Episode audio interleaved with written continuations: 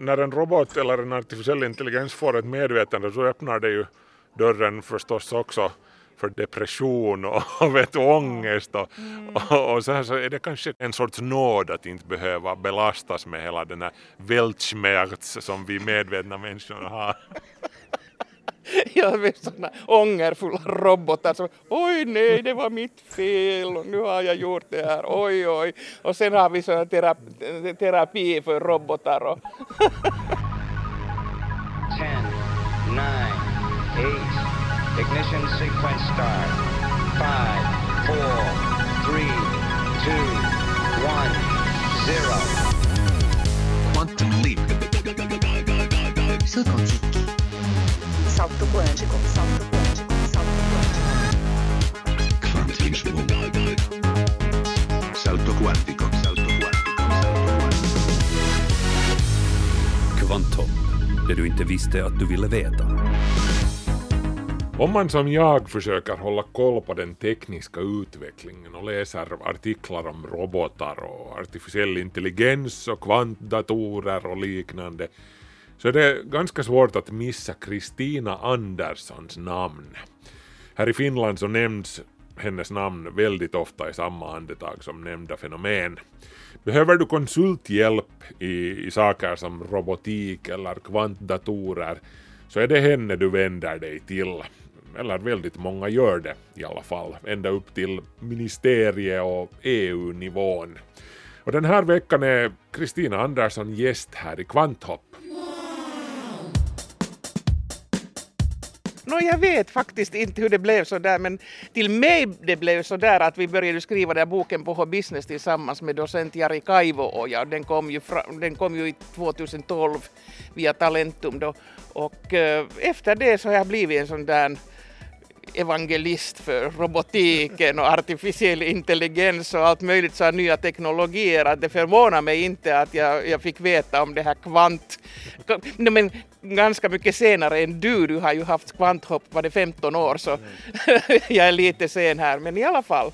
Ja. Ser du dig själv som en, en predikare? No, det predikare kanske inte, men kanske en sån där liten sån där teknologivisionär på det där mm. sättet att jag är alltid så nyfiken att leta på nya grejer och läsa om allt möjligt och sådär. Sen när jag börjar se någonting, som i, i det här kvantvärlden, så jag börjar se att det blir sådana, det kommer något nytt nästan varje dag. Någon har gjort någonting fantastiskt. Okej, okay, det här är nu någonting. Mm. Och då, det var två år sedan som jag tog, tog den där kursen i MIT som hette uh, Quantum Computing uh, in Business eller någonting sånt. I alla fall så efter det så har jag verkligen följt den här uh, utvecklingen varje dag och mycket intensivt. Ja. Du har alltså 30 års erfarenhet av företagskonsultering inom strategi, ledning, inlärning och, och du är en eldsjäl när det kommer just till robotar och, och, robotik och du har jobbat för social och hälsovårdsministeriet när det kommer till eh, robotikens roll för att skapa välfärd och så vidare och så vidare, olika EU-projekt, företagare är du med lång erfarenhet och nu har du ett uppstartsföretag som heter IraWise. Vad, vad har varit det som du har trivts bäst med under de här gångna 30 åren eller så? Jag tror nog att det är det där inlärningen som, jag är sån här inlärningsentusiast att jag älskar att lära mig någonting nytt. Därför jag, jag sjunger ju också, därför att där ja. har man en bra möjlighet att lära sig någonting nytt som verkligen känns i hela kroppen när man gör någonting, kan sjunga på något nytt sätt. Kanske alla år inte har varit så där bra år. Det här året inte kanske en av de där bästa åren men men de åren när jag har sett att nu allt går framåt, jag lär mig mycket saker och jag har fått nätverka och sam, samverka och samarbeta med olika människor. Det är det bästa. Man samlas ihop. Okej, nu har det, hänt någon, det har hänt någonting nytt. Och det är många gånger just de där teknologier som driver det där förändringen i samhället också. Ja. No, man kan ju lugnt säga att teknologin har varit en i en absolut nyckelroll det här senaste året med tanke på inlärning, skolorna, eh, men också oss vanliga knegare som jobbar på mm. där hemma som, som ändå trots allt kan hålla kontakt med världen och lära oss nytt och, och bidra till saker via de digitala kanalerna. Det här, det här skulle ju inte ha varit överhuvudtaget möjligt för, för 20-30 år sedan eller så. Hur har det varit för dig nu, nu liksom? Vad, vad har varit din livlina i den här coronakarantänen? no, det är just det här att det är Teams-möten och Zooms-möten och alla möjliga möten som är där online. Och, och jag vet inte, det, det, känns ju jättebra att träffa människor ja. så, här, så här ansikte mot ansikte så att det, det är nog någonting som man har saknat men det är just att man vaknar och sen, sen om man inte vill visa sin bild på morgonen så, så stänger man kameran och, men man är med nu hela tiden men inte det detsamma, nej det kan man inte säga. Eh, det har blivit mera människor som är ensamma. Den här ensamheten har ökat där. Så att vi måste nog hitta andra sätt att arbeta. det kanske blir så att det är en sån där hybrid sätt att vi dels är eh, i distansform och sen dels möter vi människor i andra mm. ställen. Men i alla fall att det, det går inte bara att vi är bara isolerade någonstans och pratar med någon skärm.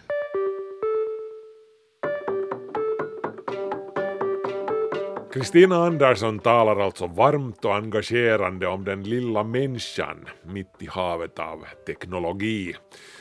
Annars talar hon ju jättegärna om robotar också. Robotar och robotik är som sagt en av hennes stora passioner i livet faktum är, och, och, nu provocerar jag lite här, man får ju lätt den bilden att det här har vi en som sitter och pratar med robotar hela dagen och, och vet du, eh, en som vet du, när, i framtiden när, när de tänkande maskinerna tar över så är den där som säger att I for one welcome our robot overlords. är du förresten, skulle du säga så? Uh, overlords, nej, men jag tror nog att vi behöver de där robotarna för att vi kan liksom göra det där mänskliga kunskapet så att alla kan nå det där kunskap. Till exempel om vi tar här ensamma människor så det, det räcker inte till människor att ta hand om alla. Mm. Så, och, och, det är många gånger till exempel de här ensamma människor, de vill inte ju prata med en annan människa därför att det, det känns skamligt och det finns sådana som säger nu, nu tar du bara dig om nacken och du går bara ut och du bara träffar människor men det är inte på det där viset. Och om vi har sådana olika system, det kan vara robotar eller chatbottar eller vad som helst som kan lite hjälpa till där.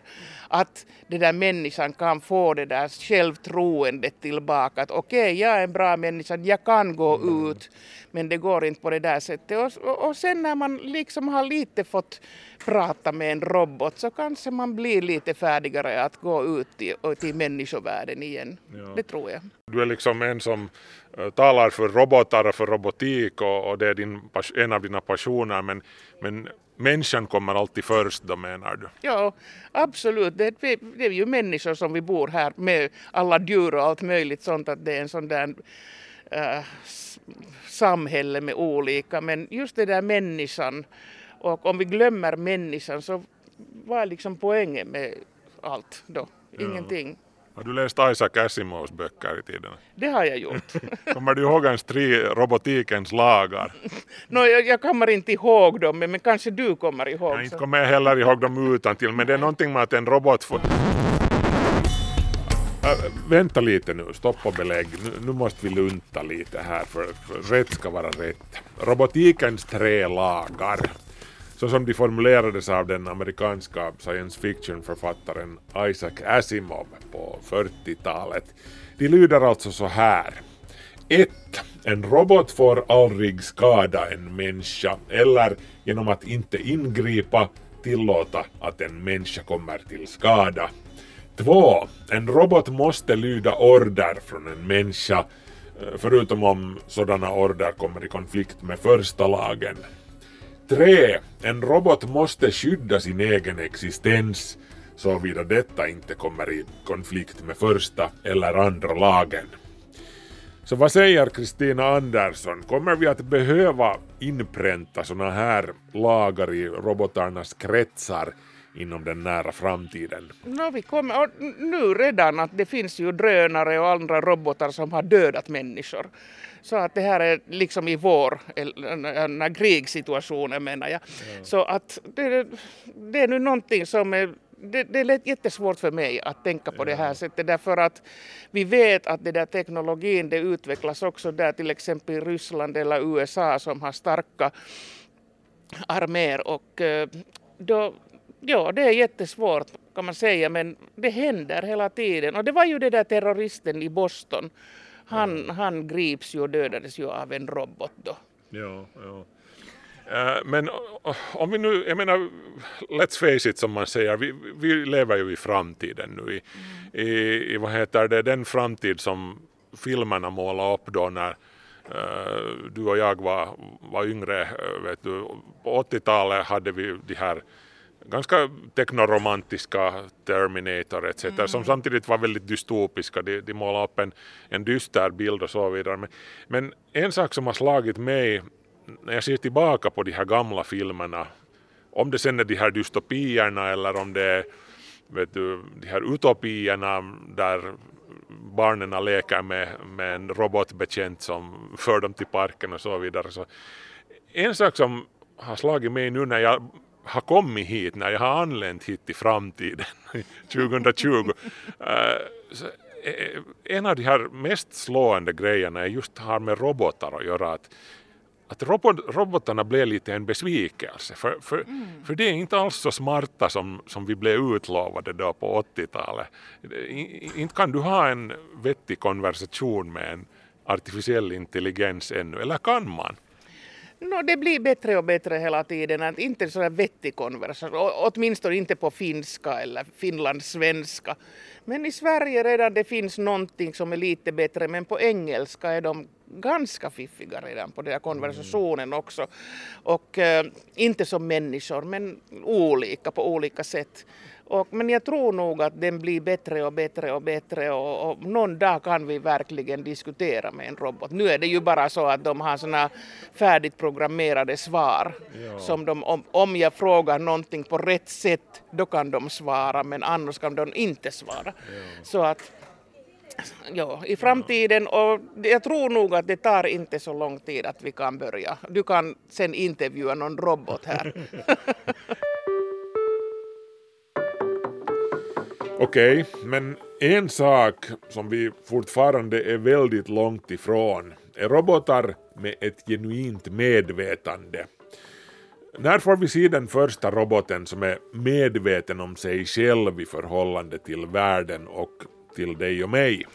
Ja, det kan jag nog inte svara på, men de, de är ju medvetna om ganska många saker, till exempel om det utrymmet, var de är och vilka som är där. Och just det där med ans att de, kan, de kan känna till ansiktena, att de vet att okej, okay, där är Markus, okej, okay, mm. där är Lisa och allt sådär. Att det, det är ju någonting som de kan göra redan och, och analysera olika grejer och saker via sina sensorer. Att det är nog ganska, men sen att vad är det där medvetet? Vi ska nog inte mm. gå in på det där, vad, vad är med, i, i det där medvetenheten, men ingen vet ju vad det är. Ja, det är ju det att ingen vet på riktigt var, var, det är och hur det uppstår. Ja, men, det, ja. ja. men jag vet och du vet ju att vi är nu här och nu, nu har vi den här diskussionen och jag också vet en sån där metakognition att jag vet att jag är här och jag vet att jag vet.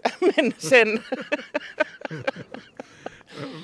Men å andra sidan, när en robot eller en artificiell intelligens får ett medvetande så öppnar det ju dörren förstås också för, det, för liksom depression och, och vet, ångest och, mm. och, och, så här så är det kanske, kanske ändå trots allt lite det, det, är en sorts nåd att inte behöva belastas med hela den här Weltschmerz som vi medvetna människor har.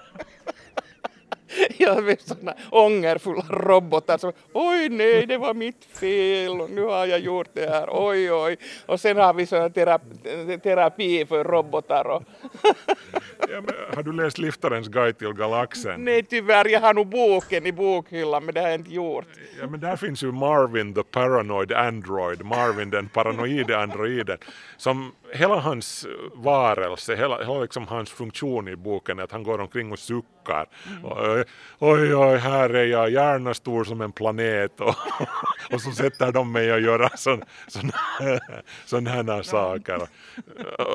Men det är ju det som robotarna när de blir medvetna sen så kommer de ju inse att de har satt oss och slava i utan lön och ja, precis. ja, ja, precis. Och via sina sensorer, det där, de kommer ju veta massor mera än vi vet. Mm. Därför de får ju all data i sig och det där. Så, så ja, det kan bli, bli ganska svårt för de där medvetna robotar. ja. Men, men om vi nu snackar allvar lite här så en sak som, som ju är redan på gång i länder som Japan till exempel, där man har en lite liknande befolkningsstruktur som här med en åldrande befolkning och, och lite för få människor att sköta om, de som behöver hjälp. Och, så där har vi ju redan åldringar som sitter på, på sina anstalter och, och snackar med robotar. Mm. Är, det, är, det, är det liksom det som väntar oss också här och vad, hur ser du på den här utvecklingen? Jag ser det jättepositivt att man, man har de där robotar som kan hjälpa människor. De, de ska inte ersätta människor, de ska hjälpa till att alla kan få vård och ingen behöver vara ensam och att, att liksom hjälpa till att få bra liv. Det tycker jag det är meningen med de där välfärdsrobotar.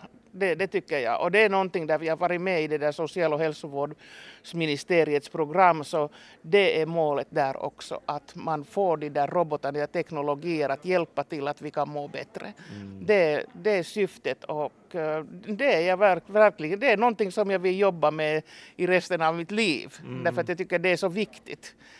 Ja. Och det finns inte tillräckligt med människor för att ta hand om alla. Och det syns ju när man tittar till exempel äldrevård eller vad som helst så det finns sådana människor som inte får den där vården på sådär värdigt sätt. Just nu när vi spelar in det här programmet så, så är det budgetförhandlingar på gång på Ständerhuset. Hur, hur tycker du att den här regeringen har hanterat den här frågan? Har de, vad har de för, för liksom strategi när det kommer till det här för Finland. Mm. No, om vi talar om SOTE eller social och hälsovårds det här paketet så det finns ju ingenting. Absolut ingenting. Och problemet i Finland är inte det att vi inte förstår oss om teknologier men sen när man talar, i, i till exempel i, i, i styrelsens de där programmen, det finns ju alltid teknologi, det finns digitalisering, det finns robotisering, allt möjligt är där i regeringsprogram. Men sen när man ska integrera de där teknologier i, i praktiken, till exempel mm. det där SOTE-paketet, så händer ingenting. Då pratar man om strukturer och, och sådana äh, skötar, vad heter det, hoitajamitoitus ja. och sådana saker. Att det, det liksom blir inte. Att man, tänker, man, man tänker att teknologi är någon slags verktyg som är någonstans där borta som vi tar en dag och sen kan vi lämna den. Men det är inte nu för tiden så. Men teknologin är med oss hela tiden och därför ska man ju tänka på mer strategiskt sätt än man gör nu.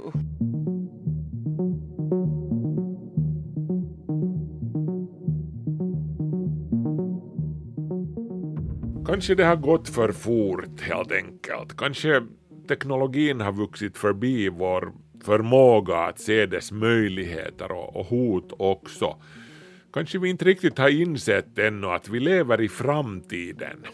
I den framtid som i Kristina Andersson som min ungdom målades upp med ofta väldigt entusiastiska penseldrag och klara färger. År 2000 har vi alla en robotbutler och en flygande bil och vi vi semestrar på månen och vem vet vad.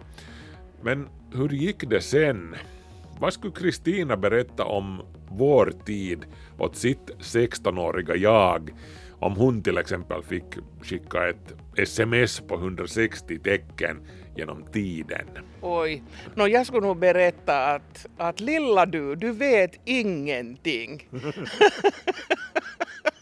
Därför att man visste ju ingenting då, var det 50, nej inte 50 år sedan men 40 år sedan. Man visste ju in, ingenting. Att man hade ju inte de här möjligheterna. Man öppnar sin telefon och då, strax får man veta allt om allting mm. vad man nu kan fråga. Och eh, ja, det skulle man säga. Lilla du, du vet ingenting man, men var beredd att någon dag du kommer att veta så mycket att du, du blir uh, deprimerad. Mm. Du skulle inte smyga in några tecken där om att köp så mycket Apple och, Google som du bara kan. Jo, det skulle jag kanske. Jo, därför att det var några år sedan jag tänkte att jag ska köpa Amazons aktier och det kostade då 900 dollar och jag tänkte nej, det här är ganska mycket pengar, jag ska inte göra. Men nu är Amazons aktier, det är någon 3000 dollar tror jag nu och nu ångrar jag mig. kanske jag skulle säga någonting sånt. ja. Nå, också om den här robotbutlern från vår barndoms framtidsdrömmar uteblev så, så var det ju ett och annat som kom istället som, som vi inte ens kunde föreställa oss då. Ta nu internet till exempel. I framtidsvisionerna som 60 till 80-talets filmer målade upp så saknas ju till exempel just internet helt och hållet. De kommunicerar ofta med rörpost eller någonting. Eh, för att inte tala om de sociala medierna. Hur, hur, hur kunde vi missa det så totalt? Ja, säg inte annat. Det är nu någonting som... Men jag har en fråga till dig. Okej. Okay. Om du vore nu 16 år och du skulle skicka sms till 50-åriga du, så vad skulle du skriva då? Det där, eh, köp en tomt högt uppe i bergen. men, men, men ja, bra fråga, bra fråga nog att det där, lägg bort den där skärmen tror jag. Mm. För, för eh, om du inte har gjort det redan vid det här laget så gör det nu. Det här är någonting intressant med vår tid också. Jag satt här och räknade en dag hemma. Vi, alltså, vi har två barn, vi, vi kan ha sex olika skärmar samt liksom två skärmar fler än det finns människor i rummet. Eh, för liksom TVn står på samtidigt som som alla tittar på sina egna skärmar och så har min, min ena son kan sitta och, och titta på Youtube samtidigt som han spelar på sin Nintendo eller någonting. Att det här är nog inte, inte riktigt klokt ändå trots allt. Eller hur, vad säger du själv om den här utvecklingen? No, jag samtycker. nog. jag skulle nog skicka det där samma att lämna den där skärmen därför att det, det förstör, förstör livet. Eh, jag har också det där att jag kan lyssna på någon ljudbok och sen kan jag titta på någonting i Youtube och sen har jag någonstans någonting annat på gång. Och det är fruktansvärt, det kan man säga, därför att då kan man inte fokusera på någonting, man lär sig ingenting, därför att det, det, det som om man lyssnar på någonting eh, i hörlurar och sen tittar på någon, an, an, någonting annat på Youtube och sen ändå någonting annat, så ingenting går in mm. i huvudet. Ja. Ja, men du, som, du som sysslar med robotar och, och kvantgrejer och, och artificiell intelligens och har de här sakerna i huvudet dagarna i ända och, och, och talar om dem och, och har seminarier och ditt och Har du, har, har du de här dagarna då du bara stänger av, vet du känner att nu måste jag gå ut så långt i skogen så jag kommer och, och stänga av allting och sitta där och lyssna på, på en fågel som sjunger eller någonting? Jo, det har jag. Men tyvärr stänger jag inte telefonen då heller därför den är där med. Jag har en gammal mor och sen jag tänker alltid att jag kan inte stänga och det här är ju sån en excuse att jag har gammal mor att hon kanske just då när jag sitter två timmar i ensamheten, mm. då ringer hon att nu är det, nu är det katastrof. Ja. Men det händer ju inte. Att det, det är bara sån där att man ha det där vanan att ha det där telefonen alltid. Och allting är ju där inne i det där telefonen, bussbiljetter och allt möjligt är mm. där. Pengar är där i det där telefonen, allt. Ja. Att det har liksom blivit att det, det är det där centrala saken i hela livet är telefonen. Ja, alltså det, det är på riktigt alltså om, du, om din telefon dör mitt i allt så det, det är ju som en som din identitet skulle dö där samtidigt. Du, du kommer inte hem med bussen, du, du kan inte liksom göra någonting, fungera alls som en fullgod människa i samhället utan Nej. din telefon. Det, eh, men det här, det här är lite oroväckande, eller det här är inte riktigt friskt, eller hur? Nej, det tycker jag också, att det är inte helt friskt. Att man måste ha såna, att man kan, väl, att man kan välja bort den där telefonen åtminstone för några timmar. Mm. Men det sägs ju om, om de här de här som har kommit någon vart riktigt på allvar i livet, vet du, Bill Gates och, och vad heter han nu, Apples chef och Tim Cook och, och alla de här så så de, jag vet inte om det stämmer men det sägs ju vet du att de inte har alls någon smarttelefon som de går och pillar på. De har en sekreterare som gör allt det där åt dem. Är det här liksom den nya klassfördelningen att, att liksom löneslavarna går här med sina rutor som de stirrar i så att de går in i trafikmärken och annat. Och, och sen har vi den här överklassen som, som har sekreterare som gör allt och, och de lever liksom ett sånt här låmoliv utan det.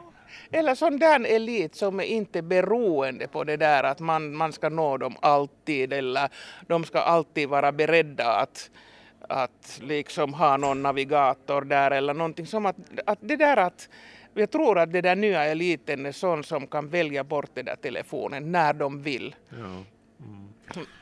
Okej, nu, nu har vi snackat här om robotar, vi har snackat om telefoner och så vidare, men en annan sak som har blivit en allt större del av också din verklighet mm.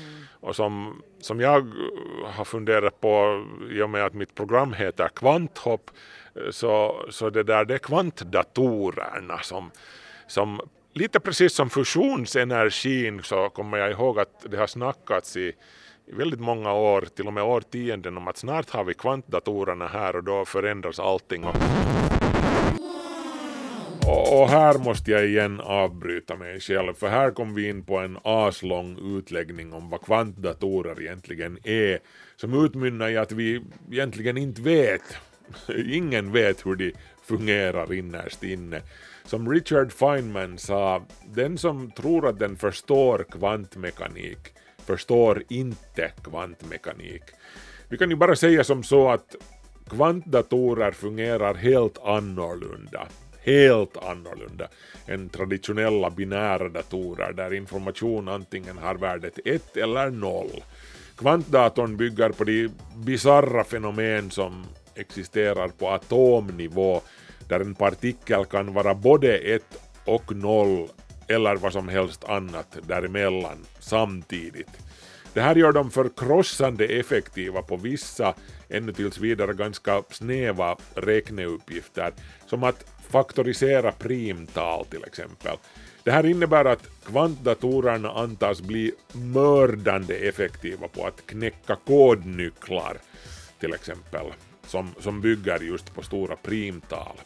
När kvantdatorerna kommer är det då slut på våra hemligheter, inklusive stormakternas kärnvapenkoder och liknande? No, det är sant och jag tycker det är ganska skrämmande där till exempel Finland och all, andra stater de investerar häftigt på sådana blockchain-teknologier mm. som är ju bara knäckebröd för de där kvantdatorer. Så att det är nu någonting som vi måste göra och eh, investera och forska på någonting som kallas för postkvantum kryptografi. Ja. Så att det, det är nu någonting som kanske sen, men det, det kommer att bli helt nytt därför att det är en ny paradigm också.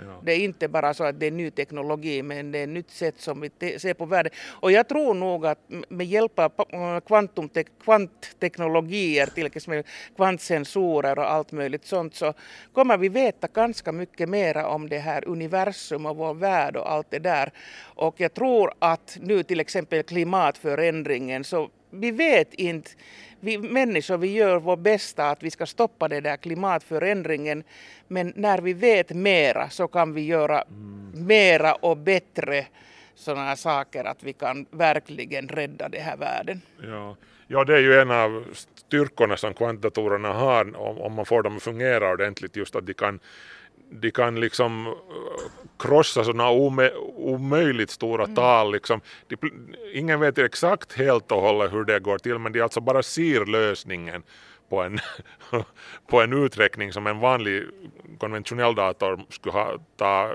evigheter på sig att räkna. Och en, ett sådant exempel som jag har hört nämnas är till exempel att en kvantdator kan räkna ut uh, vet du, om, om du har en storstad som New York eller Shanghai och så, så vet du, du har trafikstockningar där och, och så kan en kvantdator kan liksom se mer eller mindre omedelbart att, att om vi kodar om alla trafikljusen till den här och den här och den här sekvensen att, att här blir det grönt då samtidigt som det blir rött där och så vidare så så kan den liksom nysta upp hela det här trafik trafikstockningsnystane och få trafiken att löpa. Äh, har du hört om det här? Ja, absolut. Och de har ju gjort till exempel sådana företag som heter D-Wave i USA. De har tillsammans med Volkswagen de har gjort ganska sådana, det kallas för optimering av den där mm. trafiken.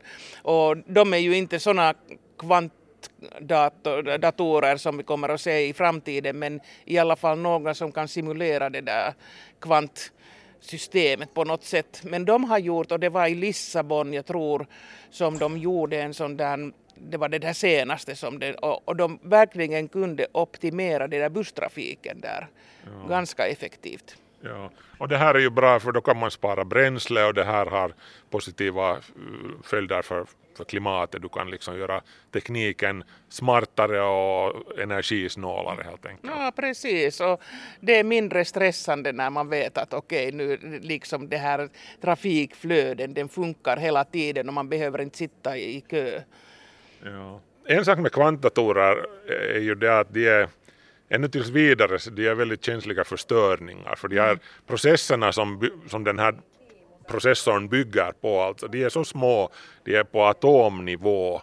Vet du, att om det kommer en kosmisk strålningspartikel och, och dundrar ner och slår, slår in i det hela eller om vad som helst för liten störning så, så, så kan det hända att hela hela kalkyleringen far åt, helt åt, åt skogen. Och på något vis har det här känts lite som en analogi för hela samhället just nu. För, för vi, vi bor i ett allt mer högteknologiskt Uh, samhälle med väldigt många väldigt känsliga processer. Den här coronakrisen har ju lite understrukit det här att, att hur, hur fin den här balansen är.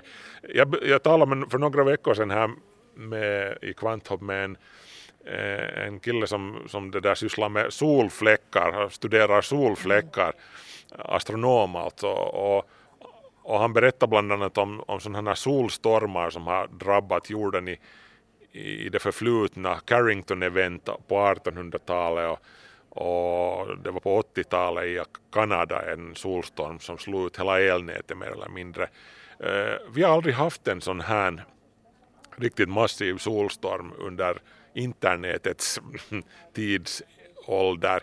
Om en sån skulle slå till nu så en riktigt stark solstorm till exempel så, så vi skulle vara ganska illa ute för vi, vi är lite kanske, vi har kanske lite blivit invaggade i en falsk trygghetskänsla med, med allt det här. Att det, det är ändå sist och slutligen ganska lite som behövs för att för att vi ska stå där vet du, med bara en massa svarta rektanglar i handen. Är du orolig för det här?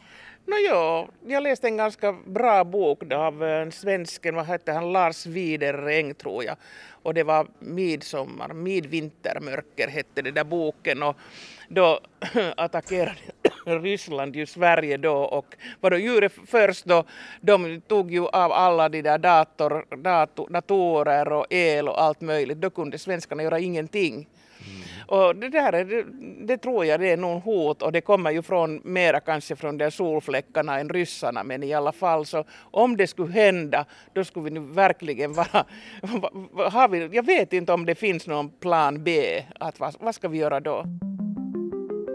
Men det kan ju nog gå som så också att det inte blir en massiv solstorm som knäcker teknologisamhället det kan också gå som så att teknologin skjuter sig själv i foten först och därmed också oss och hela vår civilisation.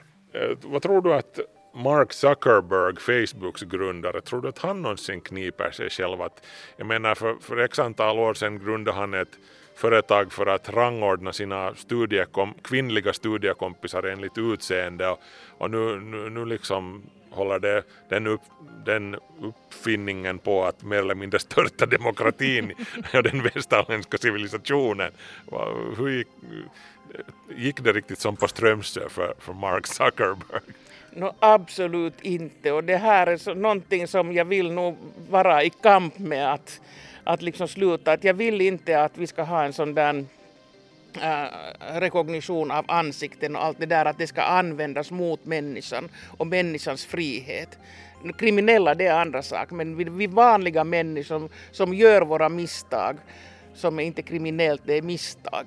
Då jag vill inte att det blir några sociala poäng att till exempel att jag har gått mot röda ljuset och jag har, jag har gjort någon misstag någonstans att sen jag får inte till exempel pass utomlands därför att jag har varit så dålig människa. Så det vill jag absolut inte ha. Och jag tror att det här är någon kamp. Uh, därför att där om man använder teknologier på det där sättet så det är hot mot demokratin. Och där måste vi vara i kamp. Alla ska vara med och kräva att det ska inte hända i Finland och det ska inte hända i EU. Annars händer det. Mm. Vi måste nu vara, vi, vi måste nog vaka hela tiden.